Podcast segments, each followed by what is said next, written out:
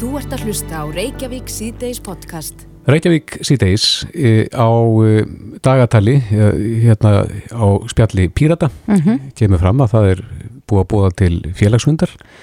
Það sem á að ræða þá hugmynd frá félagsmanni hvort að það er að hefja sölu á ofskinnjunarsveppum og kannabis í verslunum átíðaferð Já, píratar hafa þetta lengi talað um, um svona afglæpa væðingu og lögleðingu á, á hennum ímsu efnum í, í, og kannski að leggja meiri áherslu á það að efla forvarnir og annað slikt. Já, En ég hef nú ekki heyrt þessa hugmyndaður að, að þessi efni verið selt í vínbúðunum. nei, Björn Levi Gunnarsson þingmaður Píratir á línni, kom til sæl Sæl. Já, félagsmenn, þeir geta kallað er það ekki eftir umræðum um hinn ímsu mál? Jú, mikið rétt. Bara hver sem er í rauninni getur bara beðið um félagsfund, takk fyrir um þetta mál og þá bara haldin félagsfundur og málið rætt og Já, heldur, því sem að verða úr því. já, heldur þú að það sé svona almenn stemning fyrir því að hefja sölu á ofskinnjunarsveppum og kannabis í verslunum átíðaferð? Já, það er, það er svona, svona einhver stemning fyrir einu eða öðru í þessu. Fólk er mis áhuga samt um átíðaferð bara sem, sem hugmyndi við leitt. Þannig að hvort sem að það var í lögleiðing í sölu í, í átíðaferð eða lögleiðing í sölu á einhvern, einhvern annan hátt Mm er, er kannski at, atriðið sem að fólk uh, getur delt um og svo kannski einhverju sem að vilja ekki lögleiðingu akkurat þess að er heldur fyrst að taka afklapaðinguna og, og skaðamingurina. Já. En þau ríki sem að. Afsakið, þau ríki sem eru kannski lengra komin í þessum efnum, svona í lögleðingu á hennum ímsu efnum, þá hefur það ekki verið með þessum hætti, ekki að það sé eh, ríkisbákn sem að heldur utanum um sölu og dreifingu á efnunum.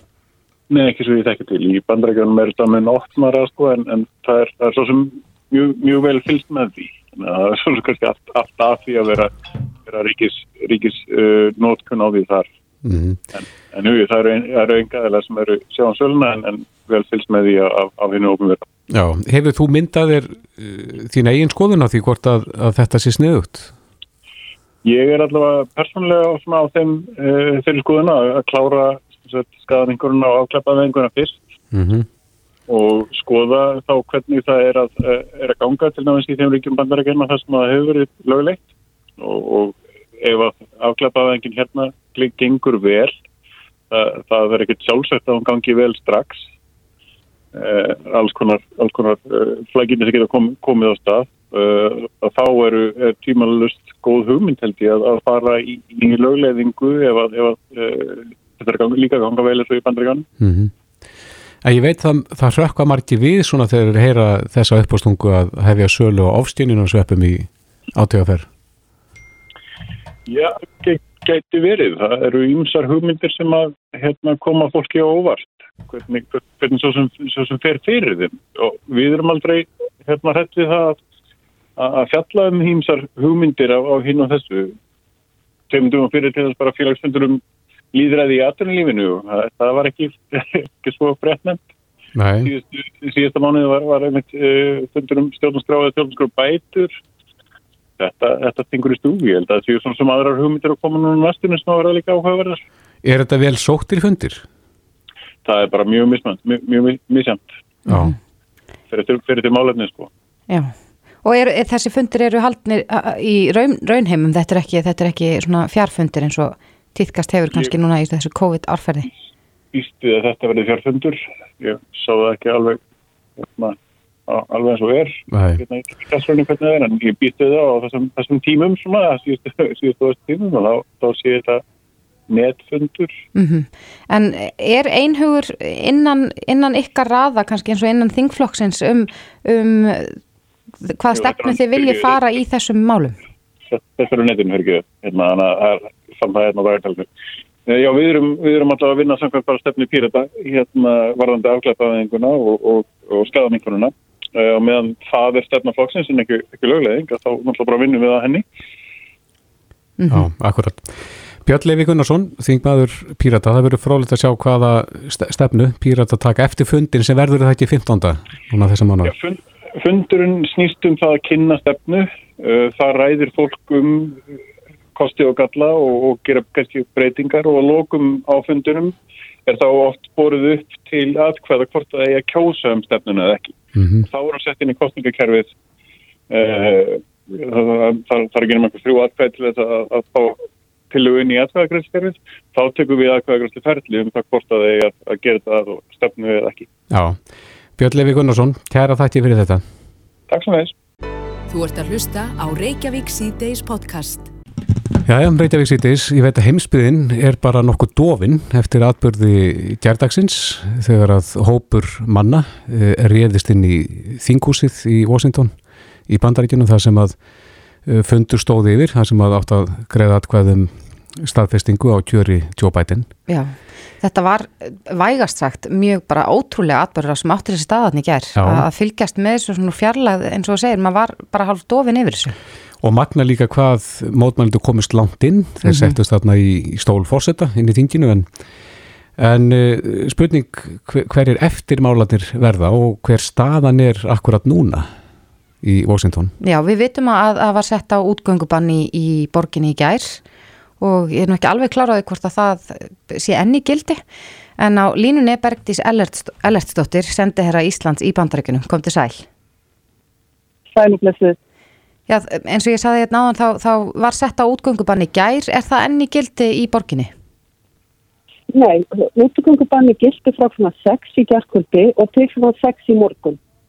Og hérna, eftir því sem að ég best uh, get séð bæði af því bara hvað maður heyrir af sírunum og annað að, að nóttin hafi þrátt fyrir allt verið þokkalega róleg og ekki fréttir af neinum átökum eða skemdaverkum uh, þeirra sem eftir urðu. Nei, en þetta hefur vakið gríðarlega aðtekli að þetta hafi bara einfallega geta gerst þarna. Hver, er, hvað er það nýjasta, nýjastu vendingarnir í þessu máli?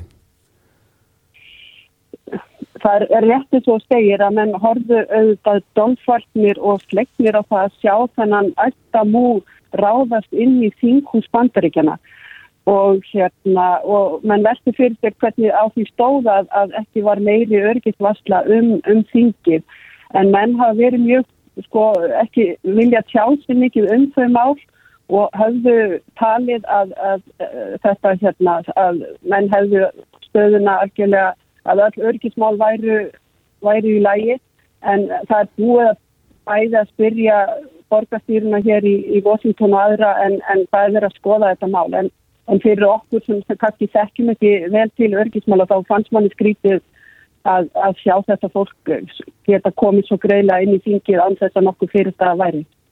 Mm Það, Donald Trump er búin að vera á allra vörum í dag og, og kannski hans viðbröð við þessu öllu saman. Um, nú er þú sendið herra í Washington og, og, og þetta er auðvitað búið að vera svona, svolítið fordæmilegsi tímar í, í kringum þessar kostningar.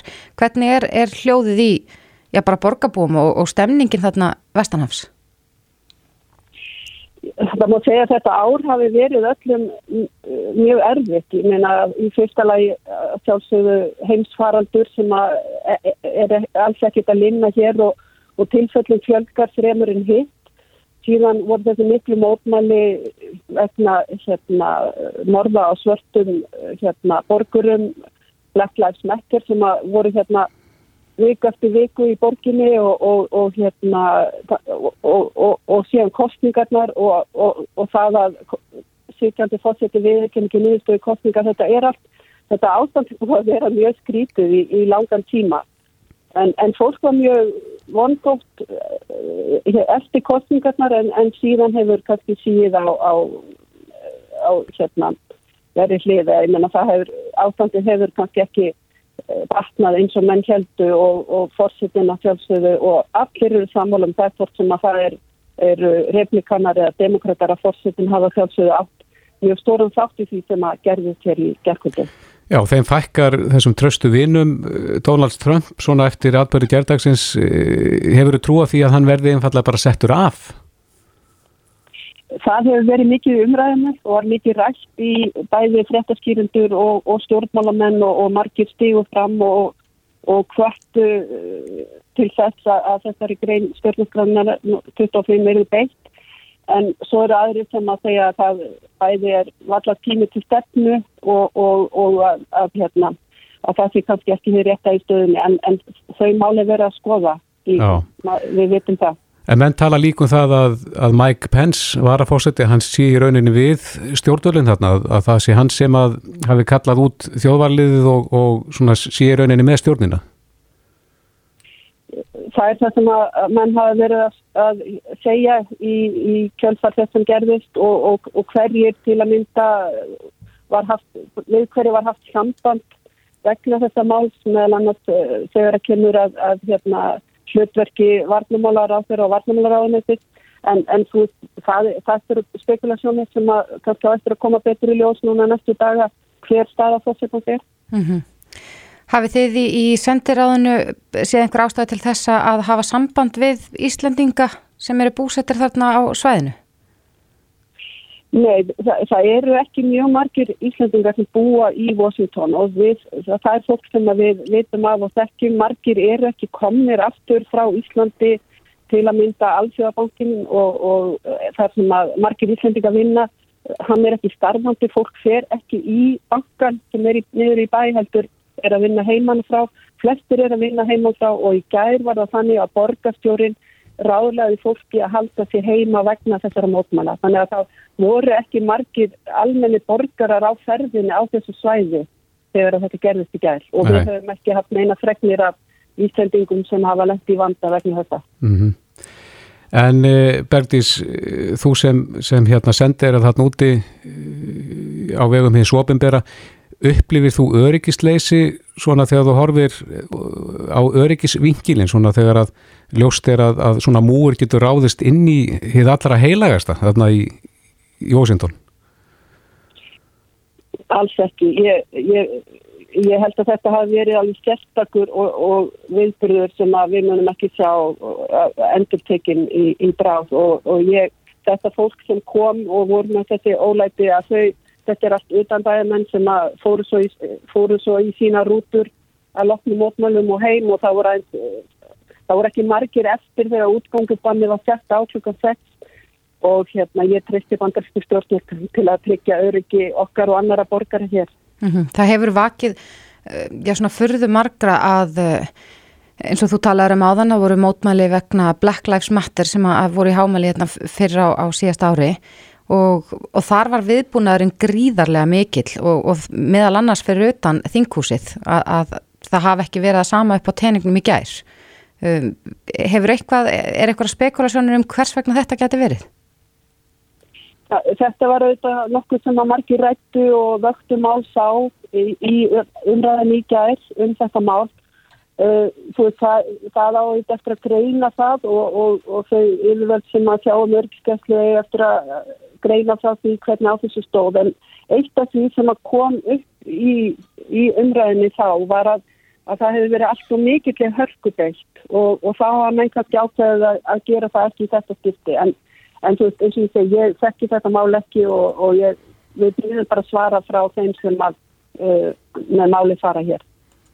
Já, Bergdís Ellertsdóttir sendi að Íslands í Bandaríkunum stötti í Washington, kæra þakki fyrir þetta Já, takk fyrir, bless, bless. Og frá sendi hérranum okkar í Washington, ætlum við að huga þess að öryggismálunum þarna í Washington ánar. Já, eins og hún Bergdís Ellertsdóttir sendi herra, sagði á þann að þá eiga kannski ráðamenn þarna eh, vestanafs eftir að þess að útskýra hvers vegna þessi miklu öryggisbrestur varð og, mm. og hvernig þessi æsti múur, hvernig þeim tókst að komast alla leiðin í þingusið. Einmitt.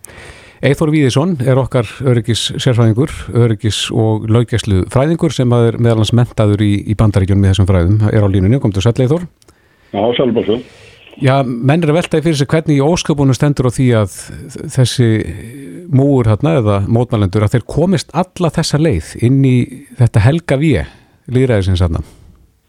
Já, sko, þetta er bara rétt gerst og, og, og það er svona erfitt að greina hluti svona í, eftir svona stuttan tíma mm -hmm. og við rauninni kannski ekki ríkir alveg sérst en sko þessar byggingar eru í rauninni ekkert það er bara varðar eins og aðrar alríkisbyggingar mm, svona í takti þar sem þá starfsum sem að þar fyrir fram mm -hmm. og það, ég kom með þarna að það fótt í skýra kannski enn 20 ár og þá var þetta bara fokkalega vel varið svæði, þetta er náttúrulega hjarta bandaríska stjórnskíslu er hérna á þessum það getur við sagt svona 2-3 kilometrum þannig er FBI og NSA og, og, og Þingið og Kvítahús og annars líkt að hérna það er bara þessi umgangur þessi bara gestir og stafsmenn og, og það eru málmlita hljóðurna byggingarna kannski gera ekkert sjálfar ráð fyrir svona ástandi. Það er kannski nummer eitt.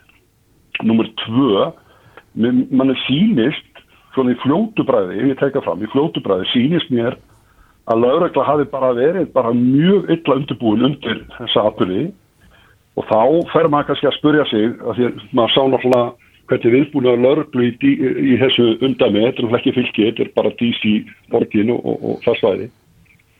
Þegar að Black Lives Matters reyfingin mótmælti í sömar mm -hmm. og gríðalegur viðbúnaður og tárakas og óverða búnaður og annars lík Hún sagði með til okkur sendiherran hérna áðan að Þetta komast í talsett náðin hjá sendiherran og hún sagði að, að Lóreglann hefði verið hérna nokkuð skömmið eða hérna leyendur ámælum fyrir það. Já, og þess vegna hafið þér jafnvel dreyið úr núna. Já, já, það er mögulegt. Sko, yfirmenn Lóreglumenn takk ekki ákvörðunum rástafinir það eru yfirmenn sem að gera þá, stjórnendur og í svona, á svona degi stjórnar hluti af, af stjórnar skiptum mjög viðkvæmt allt saman. Og þá er það náttúrulega bara, já ég ætl ekki að segja það, hann er alveg urða að búin að móta stefnum hvernig það á að gera svona. Og hann er einn helsti stuðnismæður Trump, þannig að sko það er svolítið erfitt kannski fyrir kerfið að ætla, nú kallaði kerfið bara þessi embætsmenn sem að taka þessu ákvarðanir gera átumötun og annars líkt fyrir þennan dag að segja þeirra eigin stuðnismenn ætla að ráðast á þar byggingar sem að þeir eiga að verja. Þetta er svona þetta er svolítið snúið því að þetta er polarisering í samfélaginu hann úti er orðin slík.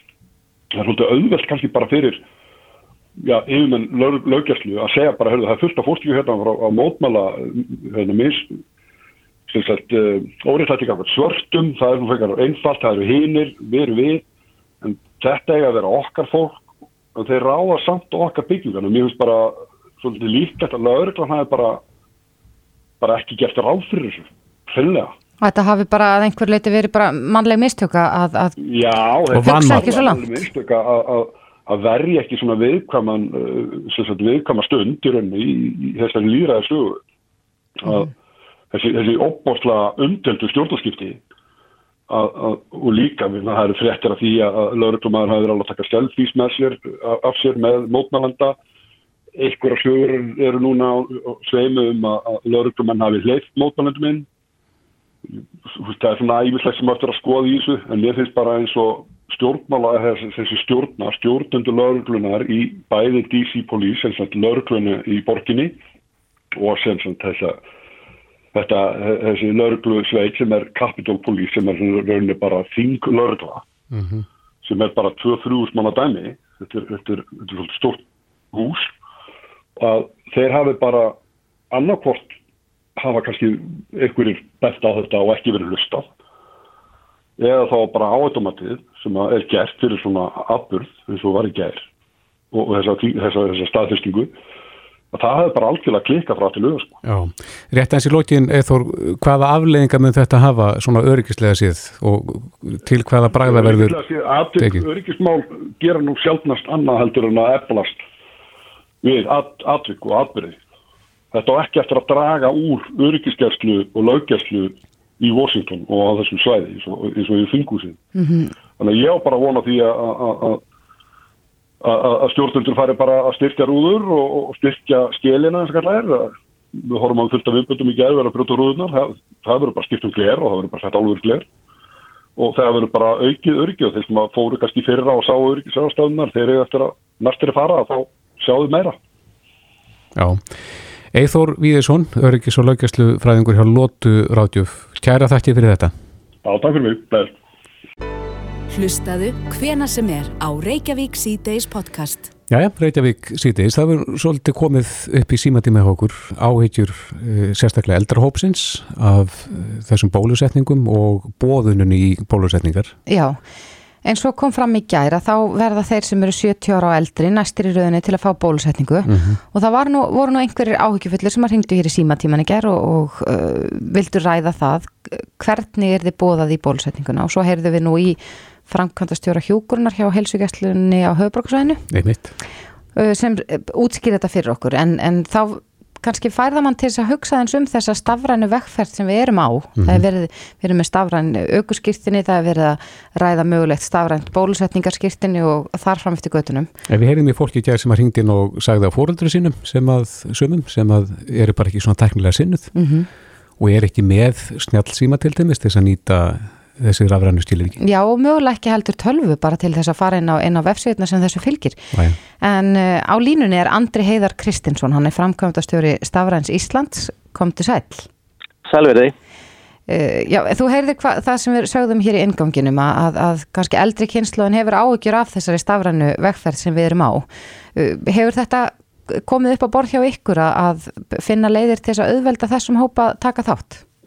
Já, heldur betur. Það er nú markmiðið að einmitt að hjálpa öllum hópum samfélagsins að sinna sínum erundum við ríkið í gegnum stafræna meila og það alltaf hefur kannski gerst, uh, má segja, hraðar heldur hún að við áallum núna á síðustu mánuðum vegna þessa, þessa heimsfaldur sem er í gangi og þá svona verið ennþá meiri krafa frá öllum hópum mm -hmm. að nýta sér þessa, allar þessar þjónustu sem er í gangi.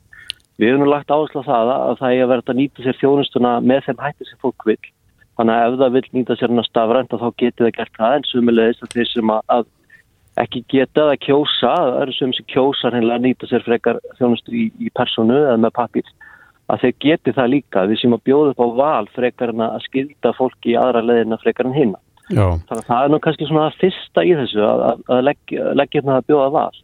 En hins vegar er það alveg rétt að við erum að skoða ymsa leðir að þegar eins og nefnið að þó að, að mikil meirhluti þjóðurnar, átti 90% þjóðurnar sem er með síma er með snjálfsíma, að þá eru þarna hópar sem að, er ekki með snjálfsíma eða, eða hafa ekki tök á því að nýta sér þessa lausnir.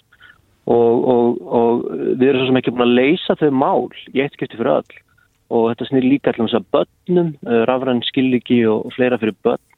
En við erum mjög markvist að, að taka skrefi þessa átt og hjálpa þessu fólki bæði með því að kynna hvernig hægt er og, og bara með fræðslu og efla fræðslu um hvernig hægt er að nota þessar lausnir vegna það er frekar einfald. En svo líka sjáum við að, að sko ætningar og vinir eru ofta að hjálpa og við erum að finna leiði til þess að hjálpa sko til að mynda eins og ég get hérna farið og gert ímest fyrir barni, börnin mín en, en mögulega að, að veita stafran umbóð þannig að ég geti þau hjálpa til að mynda ömmu minni að leysa þessi mál ef hún hefur ekki tök á því sjálf eða, eða er ekki með tækjum. Þannig að það er svona nokkra mismundi leiðir sem við erum að skoða að vinna í því að gera ennþá betur til að þjónusta öllum hópum. Já, þannig að eina þeim eins og segir er að, að veita þá umboð þannig að einhver geti þá síslast í þessum hlutum svona fyrir mann. Akkurat, við finnum það líka að það eru margir sem vilja að læra þetta en sumi vilja einfallega að fá hjálp og þá eru við til að mynda að vinna því að búa til svona stafran umboð þannig að, mm -hmm. að þá börn eða barna börn eða aðrir ættingjar eða, eða fólk sem er að annast umönnun geti eh, aðstofa fólk á, á stafran að það þurfa að vera deila einhverjum líkilorðum eða einhverju slíku sko, sem við viljum helst, helst forðast. Já. Eh, Ég man eftir fyrir einhverjum árum síðan þá voru já, síma fyrirtækja bjóð upp á svona námskeið fyrir, fyrir þá sem eldri voru að bara læra reynilega á GSM síma. Eh, Hefur já, það eitthvað komið á bortil ykkar líka að, að mögulega bara halda námskeið í, í svona tækni? Já, heldur betur. Við höfum verið að skoða það. Það er svona ymmi samtil verið í gangi það. Við höfum nátt samtil við eins og til að mynda félag eldri borgara og, og, og annara samtaka til þess að skoða hvernig við getum stutt þessi, þessi mál og, og hérna, stuðla að fræðslu og höfum verið að skoða, skoða þau mál. Við höfum svona oftast uh, tekið það nálgun að vera það frekar að styðja þessi samtök og koma það inn með fræðsluna og svo leiðis en drivkraftunum verður líka að vera hjá þessum hópum sjálfum en, en erum öll að vilja gera til að koma og styðja með fræðslu efni og höfum verið að skoða, skoða að setja slíkt upp. Já, en aðeins af þessum, taka, já. Já, ekki Andri, en, en aðeins af þessum uh, rafrænu skilríkjum, er, er skilda, eða þar sé, er, er nöðsynlegt að hafa snjall síma? Já. Þannig að, að gamli Nokia takkasímin, hann, hann virkar ekki í þetta? Nei, þessir eldstu síma hérna ganga ekki en, en nánast allir eins og ég segi 90% af símum á Íslandi í dag ganga bara mjög vel í þessu þannig að það er, svona, það er að verða mjög fáir símar eftir sem að styðja ekki ráðanskiliki í farsima í dag Akkurat Já, Andri Heiðar Kristinsson, framkvæmdastjóri Stafræns Íslands, kæra þakki fyrir þetta og gangi ykkur áfram vel á þessari vegferð. Takk að kæla fyrir sumleis.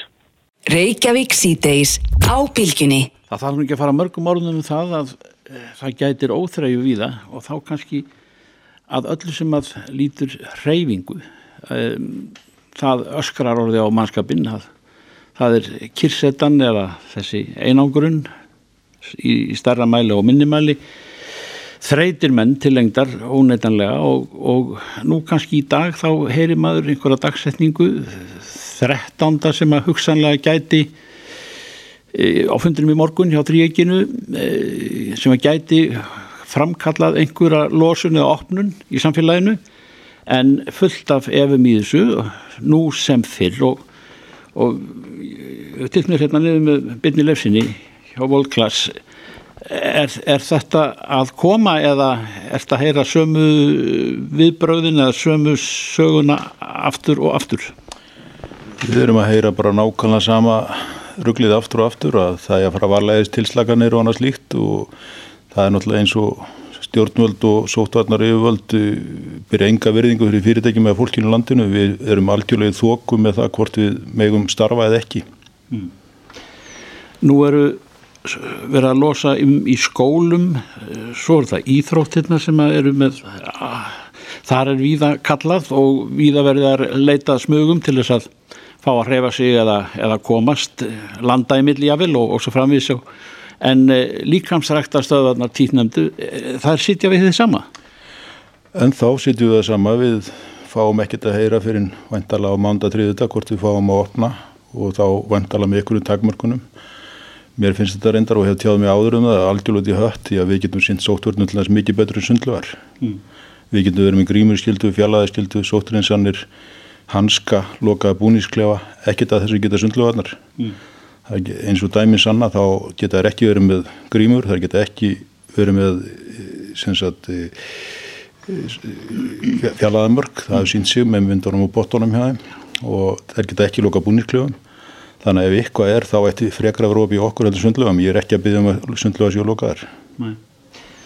Hefur þú farið gegnum þína vinnustadi eða sem sagt uh, salið þar sem stundar líkamsrækt og, og þú hefur yfir að ráða, hefur farið í gegnum þetta allt og, og sagt af því og, og bóðið upp á það? Já, já, já, strax og það átt að loka núna í 7. óttúber þá sendi ég brefa á sótunalagnir og tjáðanum hvernig við getum synt þessum sótvarnamálum með öllum þessum sem ég var að nefna og bauðunum komið í heimsón og ræða við mig þar sem við getum farið yfir þetta, hvernig við getum gert þetta betur og gert það þannig að þetta verið ásættalegt fyrir þá og ég fekk bara pent svar tilbaka þar sem ég mér að þakka fyrir álið, þakka fyrir brefið og hérna hann sæði nú ég ekki ástæða til þess að koma í heimsón því að þeir, eður væri að veita undan þá og þá virkuðu ekki þessar aðgerðir. Mm. Þannig að það má svona segja mann hefur bara rétt um putin mm.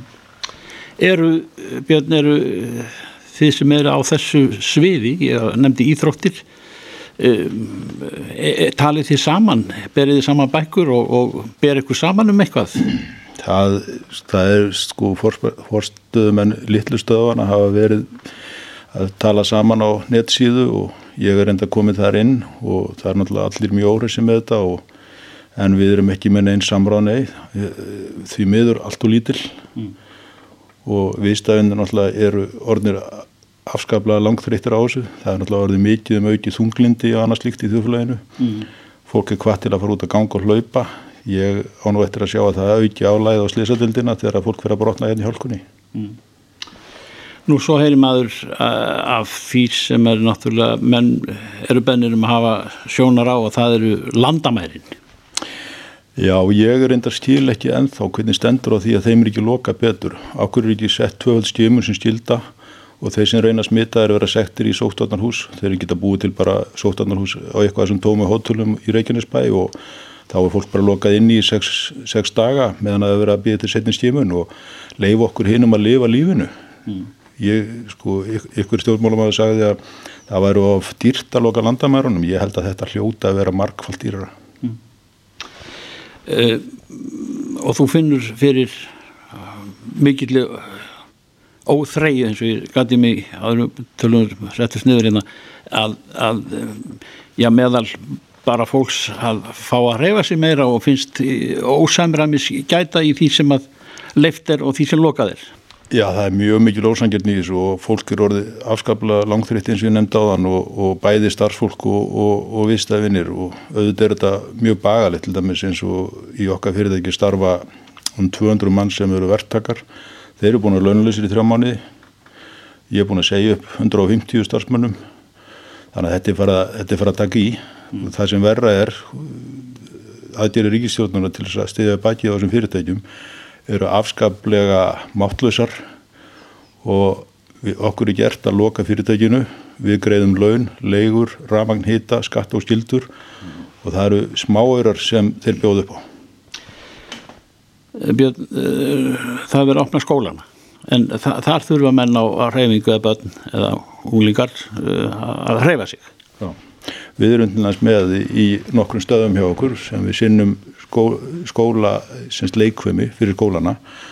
Og nú erum við opna skólana og þeir fá ekki í þáttakænslunum sína þó að það sé samkvæmt lögum stilirt að því við meðum ekki óopið þetta er náttúrulega eins og eins og ég myndi segja algjörlega orðið út í hött. Hmm. Uh, ertu vangóður um að eftir, eftir næstu helgi, mánda þreita miðugdag, sé opnun til staðar? Ég er náttúrulega alltaf vangóður og hérna vona bara að menn fara að sjá að sér að þetta er bara tóm helvítistvæla. Þetta er Reykjavík C-Days podcast. Við heyrðum fyrir einhverju viku síðan í þeim hjá Samind sem hafa verið að bjóða fólki að koma til þess að mæla mótefni. Já hvort að mótefni gegn eh, COVID sé í blóðinu. En það eru margir forveitnir um það kannski einhverju sem fengur flensu á sín tíma og, og kannski veltaði fyrir sér hvort þeir hafi fengið COVID með lit, litlum enkenum. Mm -hmm. Þannig að þetta er einleið til að komast að því. Já, á línunni er eh, störla orri Arjen Bjarnason, sérfæðingur í ónæmisvæði hjá Samind, sæl. Sæl. Ég hefur eitthvað dreyið úr trafíkinni hjá ykkur. Það voru nú fjölmarki sem voru að kíkja til ykkur hérna þegar við heyrðum við þið síðast. Nei, það verður nekkert dreyið úr. Þetta eru svona cirka 100 á dag sem eru að koma til okkar í mótefnumælingu. Já. Og hvernig eru niðurstöðunar hjá ykkur? Eru, eru margir að mælast með mótefnu sem að telja sér en ekki að fengið COVID? Og vektust ekki er, mikið? Já, já, það er alltaf svona inn, inn á milli. Annars verðast líka verið ansi margi sem að fengu COVID og vilja bara vita hver svona staðan er á mótefnunum hjá þeim. Hvort þeir hafi myndað gott mótefnansvarið ekki. Er það ekki kannad hjá, hjá heilbreyðsefjöldum fyrir þá sem að fengu vissulega COVID og, og, og voru í eftirfylgni hjá, hjá já, heilsugjastlum og, og öðrum aðlum? Er ekki kannad hvernig mótefnastaðan er? Ég held að það sé ekki gæst hjá öllum, nei. Nei. En nú er, er byrjað að bóluseti hér á landi og þú ert nú sérfræðingur í ónæmisfræði munir þið koma eitthvað til með að, að vera inn í málum þegar það kemur að bólusetningum aðstóða einhver leiti eða, eða eitthvað slíkt? Uh, sko við komum ekki beint að þessu, við komum meira svona óbeint að þessu vegna þess að uh, nú er til dæmis lífafyrirtæki Rós að breyta sínu prófi varandi mótöfnamælingar gegn SARS já mm -hmm. og þeir fara núna að mæla mótöfni gegn S-próteininu Þannig að nú getum við mætt runni hvort að bólusetning hafi tekist vel eða ekki. Já, eh, þegar þú segir S-prótenu, getur útskipt fyrir okkur hvað meina með því? Já, sko það er runni bóluefni, það eh, myndar í runni mótefni gegn svokallu receptor binding eh, domain á S1 próteninu mm -hmm. og það er runni bindi staður veirunar við frumuna. Já, þannig að þið munið þá koma til með að, að aðstofa því leiti að kanna hversu vel bólusetningin verið hefnast með já, þessum hætti. Já, við getum til dæmis gert það. Já, en hvað með þá sem hafa fengið COVID eh, til að þeir komið til með að fá bólöfnið? Eh, það eru rauninni svolítið skipta skoðanir með það. Það vikja ekki fyrir nýðustuðurum gagsemi þess að rauninni bólusetta fólk sem hefur fengið COVID mm -hmm. en það er niðurstöður koma held ég frá bæði Moderna og Pfizer bara alvar næstu vikun. Já þannig að það, það vætti niðurstöða líka fyrir varandi það. Já. En svo er það þeir sem hafa fengið COVID en uh, mælast ekki með mótefni. Já það er akkurat hópur sem að menn telja að ætti að bólusetja. Ég held að flesti séu á, á, á þeirri skoðin í dag. Er, er það svona það sem að, að í raun og veru fræðin segja? Já, sko, menn er ekki vissir alveg um þetta, það liggur ekki nógu góð gögn fyrir, en menn telja að það séu svona 5-10% af þeim sem fá COVID sem mynda ekki nógu gott ónæmisvar og hefðu gott af bólusetningum. Mm -hmm. En uh, hafið þið, ja, hvernig lítur svona tölfræðin út hjá ykkur svona með að við hversu margir hafa komið í mótefnamælingu, hversu margir hafa mælst með mótefni? Uh, við erum að mæla alveg upp í sko 10% en það stafar að því að það er svo margir að koma sem að uh, eru búin að veikjast. En hafið þið tekið saman sko akkurat þeir sem að telja sig ekki hafa veikst en mælast þó með mótefni? Nei, við erum ekki, ekki tekið það saman. Nei, síðast ef við heyrim niður að þá, þá var eitthvað um það? Uh, já, bara við höfum ekki, ekki þau, þau gögg sko. Nei, en hversu mikið skráiði niður hjá okkur? Ég mann það að í upphafi faraldusins þá voru menn að velta því fyrir sig hvort að þetta legðist misþungt á fólk eftir blóðflokkum? Já, við höfum í rauninni ekki þær upplýsingar og ég finnst ekki sérstaklega að vera mikið svona skrifað um það. Nei. Svona í, í vísinda heiminum í dag. Nei. Einmitt. Ég rækst nú að frétt hérna hjá Harvard Medical School þar sem að var akkurat sko bent á að rannsóknir sína ekki endilega að, að, að þetta leggist mist þungt af fólk en að það gætu verið tengslamilli þess sko í hvað blóðflokku ert og, og hversu líklegt er að þú smitist af verunni. Að það var eitthvað sem benti til þess en, en þó ekki hversu illa sjúkdómarinn myndi leikamann. Nei, við bara höfum ekki þessar upplýsingar hjá okkur þannig að við getum verið mikið búið þetta saman. Nei, það væri gaman að, að ef að það er nú tekið saman en, en e, það er fínt að heyra að, að fólk er enþá að spá í þessi mál og, og er greinlega mjög umhugað um það að, að fá þetta á hreint. Sturla Orri Aran Bjarnason, sérfæðingur í ónæmisfræði hjá Samind, kæra þakki fyrir þetta. Já, takk sem við. Reykjavík síðdeis á Bilginni podcast. Reykjavík sítis, við heyrðum hérna á síðasta klukkutíma í sendi herra bandaríkjana uh, í Washington mm -hmm. og svona niðurstónu því spjalli var að hún upplifir ekkert eitthvað öryggisleysi þráttur þessu upp og komið í gær treystil öryggliðvöldu það til að treytja öryggi fólksatn í borginni. Já, þetta voru þetta bara sæðilegir atbyrður sem áttur sér staðan í gær og voru fjóri sem að, að tindur lífi. Já, en og mörgum hefur... fyrir ekki mörgum spurningum á svara líka varðandi þetta. Já, svo sannarlega. En nú hefur Donald Trump, fráfærandi fórseti bandaríkina, uh, já, sagt að valdaskiptin verði friðsæl, mm -hmm. en, en það er spurning hvort það gangi eftir og ég er svona forveitin að vita hvað er framundan, hvaða, hvaða afleðingar hefur, hafa þessir atbyrði gerdagsins á það sem koma skal. Já, Silja Bara Ómarsdóttir, stjórnmálfræði professor við Háskóla Íslands er á línu, kom til sæl. Sælverðin. Já, hvað tekur nú við? Já, það er auðvitað svona spurning hvaða, sko, hva, hvaða þáttur erum að horfa á. Það er, auðvitað eru tæpar tvær vikur í að, að Trump fari frá uh, úr ennbætti og núna eru engin svona skref eftir sem að hann getur reynd að taka til þess að koma í vekk fyrir stað. Mm -hmm. Þannig að maður myndi ætla að það er þið friðsætla svona á pólitíska sviðinu Hann hefur líka verið sviftur aðgangi að mistkosti að Facebook þanga til hann fer frá völdum. Um, Twitter og Facebook lúkuði bæði á hann í, í 12 tíma í gær og Facebook hefur ákveðið að framlengja það uh, þanga til að, að hann verður óbreytti borgar aftur. Mm -hmm. uh, þannig að svona, hans hérna, ræðustóll hefur mingað eitthvað þannig að vonandi næran ekki að hafa samskonar áhrif á sína fylgismenn og, og hvetja frekar til, uh, hvetja til frekari uppfóta. En þingminn fyrir ekki að silja sérstaklega úr auðvun demokrata hafa kalla eftir því að, að hún er verið einfallega bara vikið frá. Já, og það er auðvitað eitthvað sem að þingi getur gert, það tekur ákveðin tíma en það er ekkert að setja í forgang. Um, McConnell lísti því yfir, sko mér held að mér minnir að það hafi verið í nótt, þetta er orðið svolítið svona hraður aðra rásn og mann ekki alveg mm -hmm. tímalínuna, hann myndi senda öldungadeildina heim uh, fram að 19.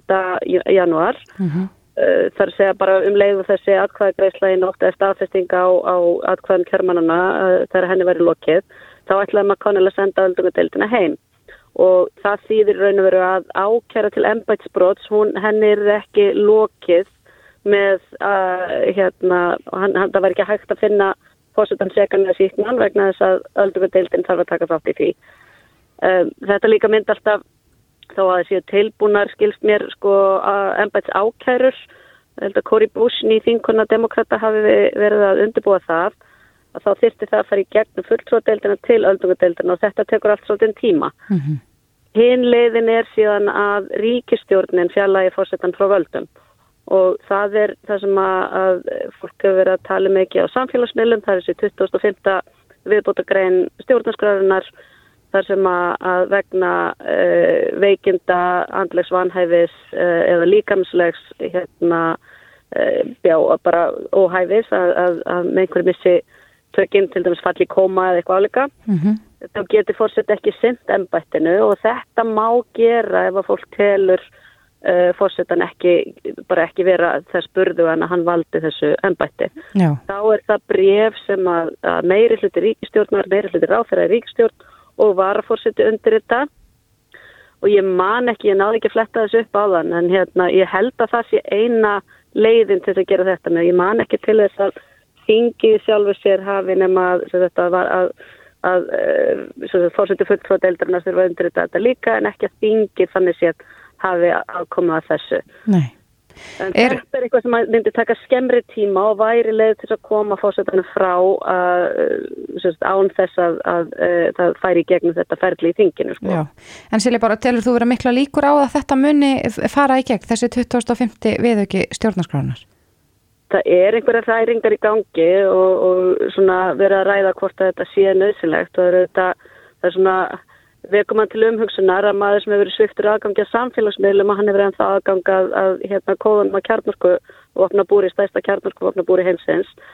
Um, en það eru 13 dagar eftir og mér svona grunar þegar reynir fre, frekar að fara leiðina sem að farin þegar Nixon var svona orðin ansið tæpur á, á geði að e, það verði gerð krafa um að það undriti einhver annar með honum allt sem að með fórsetunum allt sem að hann reynir að gera þar sem hann þurfi alltaf að fá ytri staðfestning og það verði svona eh, kjarnin í kringum hann stýi fram og, og bara reyna að koma í veg fyrir einhverjar uh, hérna fljótfætnis uh, eh, aðgerðir. Hver, hver tekur ákvörðinu um það að aðra undirskrift þurfi? Sko í Nixons dæmi þá er hann verið gerðið þingi bara eða alltaf, mér minnið að það hefði verið þingi sem gerði kröfum að, að hann hérna þurfti alltaf að sína fram á að hann hefði samþykki þá til dæmis viðeðandi ráð þeirra eða eitthvað alveg. Um, þetta er auðvitað raun og verið gegn stjórnarskrá en það var, gerðdagurinn var kannski, fannst mér áhugaverðastur ef maður getur gengið svo langt fyrir þess að gera að og verið tekur fórsetavald, varafórsetin, hann, hann brítur uh, að því að mér sínist uh, stjórnskipan bandaríkjana það er, er, er varafórsetin sem er í samskiptum við varnamálaráðunitið um hvort það þurfi herlið og og tekur hann ákveðin skref sem alltaf ætti að vera á hendi fórsetans. Mm -hmm. Þannig að, að það verðist loksins vera komið að þólmörkum hjá fólki sem hefur staðið með Trump í gegnum súrt og sætt alveg þessi síðustu fjögur ár. Að þarna séu það að, að sætta sér ekki við útkomi kostningar sem að búið að reyna að, að við fengja á öllum mögulegum vettvangi og uh, sem komið er að staðfesta í þinginu og þó sé verið að fara fram á það að vara fórsandi brjóti stjórnarskrá með því að, að stíga út fyrir sín valdmörk að þá, hafi, þá sé bara nóg komið. Það sérlega nú hefur Trump bóða að koma sín aftur í baráttuna eftir fjögur ár. Mm. Eh, hvaða þýðingu hefur þetta í gæri, þessi atbyrgur í gæri á, á möguleikans til þess að, að ná því fram? Ég vil sá með þetta að það er hópur fólk sem er tilbúin að fylgja Trump uh, eh, ansilangt um, hafi hann áfram aðgang af fjölmiðlum og, og getur miðlað sínum skoðunum og, og sínum áróðri til þeirra þá er ekkert sem að segja að hann getur ekki haldið áfram og, og jáfnvel þurfi ekki að byrja á nulli þegar það kemur. Mm -hmm. Um, það er ákveðin sko, sko republikanaflokkurinn hefur verið í, í sjálfsmyndar vanda í að verða tíu ár. Um, fór í, í tölvert djúpa naflaskoðun um, 2012 ef með minni rétt. Um, en þar á meðal, meðal þeirra nýðustana var að, að flokkurinn þýrstir svona að vika út hérna stefnu sína hvað var það minni hlut að hópa en, en fersjænir eru alveg þverju átt þegar að til kastanum kemur og uh, núna er svona fórsettar sagtfræðingar svolítið að rifja upp uh, hvernig republikanaflokkurinn var til í kringum borgarastöðildinu og það var einmitt í kringum eitt svona atvek þar sem að, að uh, þingmenn sáu bara að þeirra lífi var ógnað og þeir fyrstu að, að bara mynda aðra flokka. Og republikanu flokkurinn sem sprettur upp úr atveki í Fort Sumter sem var 1861 minnum við og að þannig að það gæti jáfnvel orðið bara til nýr flokkur og að, að Trump er í skilin eftir með komur að segja hræið af þessum republikanaflokki og, og, og svona hófsamari hefðunmari íhaldsmenn fara eitthvað annað. Akkurat. Uh, veist, það, það er rosalega margt bara svona mikil kveka í þessu núna þannig að það er erfitt að segja í hvað átt við erum að fara með stjórnmáli bandrækjum. Já, en ættum við að búast við því að það verði meira um óerðir og, og mótmæli og, og þess háttar næstu 13 daga þar til að formulegu valdaskipti verða? Ég er ekkert hissa þó við sæjum uh, mótmæli nokkuð kannski víðar. Uh, það voru mótmæli í gær líka í uh, þinghúsum við þinghúsríkjana sem staðar um, og það sem að kannski kosturinn við þetta er það sem að, að hérna, við höfum mörg óttast er að, að bandaríkinn væri svona á barmi borgarstyrjaldar að, að svona bjárstasta myndin sem að maður hafði að vissu leiti var að að upptótt yrðu dreifð og, og, frekar ótengt ekki að þau yrðu samtengt og skipilögð og hérna þannig að ég, það kemur ekkert óvart að við myndum sjá fleiri dreifð minni atvegg en uh, ég ætla að leiða mér allavega að vona að það verði ekki sagt, samræmdar aðgerðis uh, víða sem að, að ráðist gegn hérna rétt kjörnum stjórnvöldum. Nei. En þetta er, þetta er svolítið kvikt, þetta ástand núna og, og vantarlega fá við nýjar og ferska fréttir hér í kvöldvertum stöðu og tvo bylgjunar í kvöld en Silja Bára Ómarsdóttir, professor í stjórnmálafræði við Háskóli Íslands. Kæra þakki fyrir þetta. Takk, takk. Bless. Bless. Reykjavík síðdeis á bylgjunni podcast. Reykjavík síðdeis heldur áfram. Það, staðan hefur verið góð hérna innanlands undarfarna daga. Það hefur ekki verið mikið af smittum og, og þetta virðist þokast í rétta átt. Mm -hmm. en, en það hefur þó verið uh, töluvert um smitt við landamæri. Já. Og það kom fram í fréttum í gæra. Öll þau sem að greindust með veiruna á landamærunum í gær mm -hmm. eru búsett á Íslandi og voru öll nema eitt á heimleið frá Pólandi. Já. Og maður hefur svo sem heyrt þetta að, að sá hópur sem er svona stærsti hópurinn sem er að koma hingað og er að greinast á, á landamærunum er, er frá Pólandi, fólk sem hefur það farið í jólafrí e, til heimalandsins. Mm -hmm. En það er spurning hvernig þessar fréttir hitta fyrir e, þennan hóp. E, á línun er Alexander Bogdanski, formaður samtaka Pólveri á Íslandi, kom til sæl. Góðan daginn, kom til sæl. E, samtök Pólveri á Íslandi, þetta er svona menningasamtök, þannig að við veitum það að þú talar kannski ekki fyrir hvað um 25.000 Pólveri sem búa hér. Mm -hmm. en þú ert með puttan á púlsinu þegar það kemur að, að þessum hópi mm -hmm. hvernig metur þú þessar fréttir af öllum þessum smitum á landamærum? Sjálfsögur, það kemur ekki óvart vegna margir eða margir fóru til Pólans í jólafri ég skal ekki dæma fyrir svona áformum þannig að þetta er sjálfsögur erfiður tími og ekki, maður ekki gleyma að það eru pólverðar sem eru vinna hér og eru með kannski fjölskyldur, konur og börn á heimalandinu mm -hmm. Það er erfitt að slepa svona ferð, erfitt, svona fóru ekki í sumar mm -hmm. og, og þetta er alltaf áhægt að fara. Ég sjálfur fer ekki, ég múndi ekki taka áhægtu uh, og ég er ekki dæma fólk sem kannski ymnislega ástandum verður að fara. Verður að fara. Já, en Alexander, hvernig er staðan á þessum faraldri í Pólandi núna? Sjónsöku er erfitt, það, er, það, er, það er, var erfitt núna í, í umjól, umjól og líka í Aromot, það var uh, bann að, að fara, það er glemmis í, í jól, það var, þá var fimm, fimm manna utan, utan hérna heiminnis til að fá gestir, til að ekki, ekki fá áhættu fyrir fleiri smitt. Mm -hmm. Það ástæð er mjög svipað í, í Evrópu og heim, það er bara mjög, mjög svipað. Þegar að svona fréttir berast að, að svona flest smittin mm -hmm. á landamærnum sé að, að koma frá Pólandi, hvað heldur að það geti búið til eitthvað skonar fordóma eða núning? Vonandi ekki. Kanski ég er ekki með tólur hvað margir voru í delinni. Hins vegar vinnur minn, hann fótt til Pólans fyrir, fyrir, fyrir fjórum vikum. Það voru 70 mann í delinni og hann fór sjálfur var viku og lendi sótt og það var engin uh, smiðaður. við vitum ekki hvað margir voru við og, var að sagt að það voru tíu heldi bólverjar og eitt uh, útlendingur. Mjög kannski íslendingur sem voru að koma frá Pólandi mm -hmm. þannig að það er þetta mikið eða ekki mikið, það er vitað æma og maður veit ekki hvað fjöldi var Nei. En Alexander, þú hefur búið hér á landi í, í fjölda ára en hvernig finnst þér meturu stöðuna almennt? Eru, er, finnst þér vera fordómar í samfélaginu gagvart pólverum?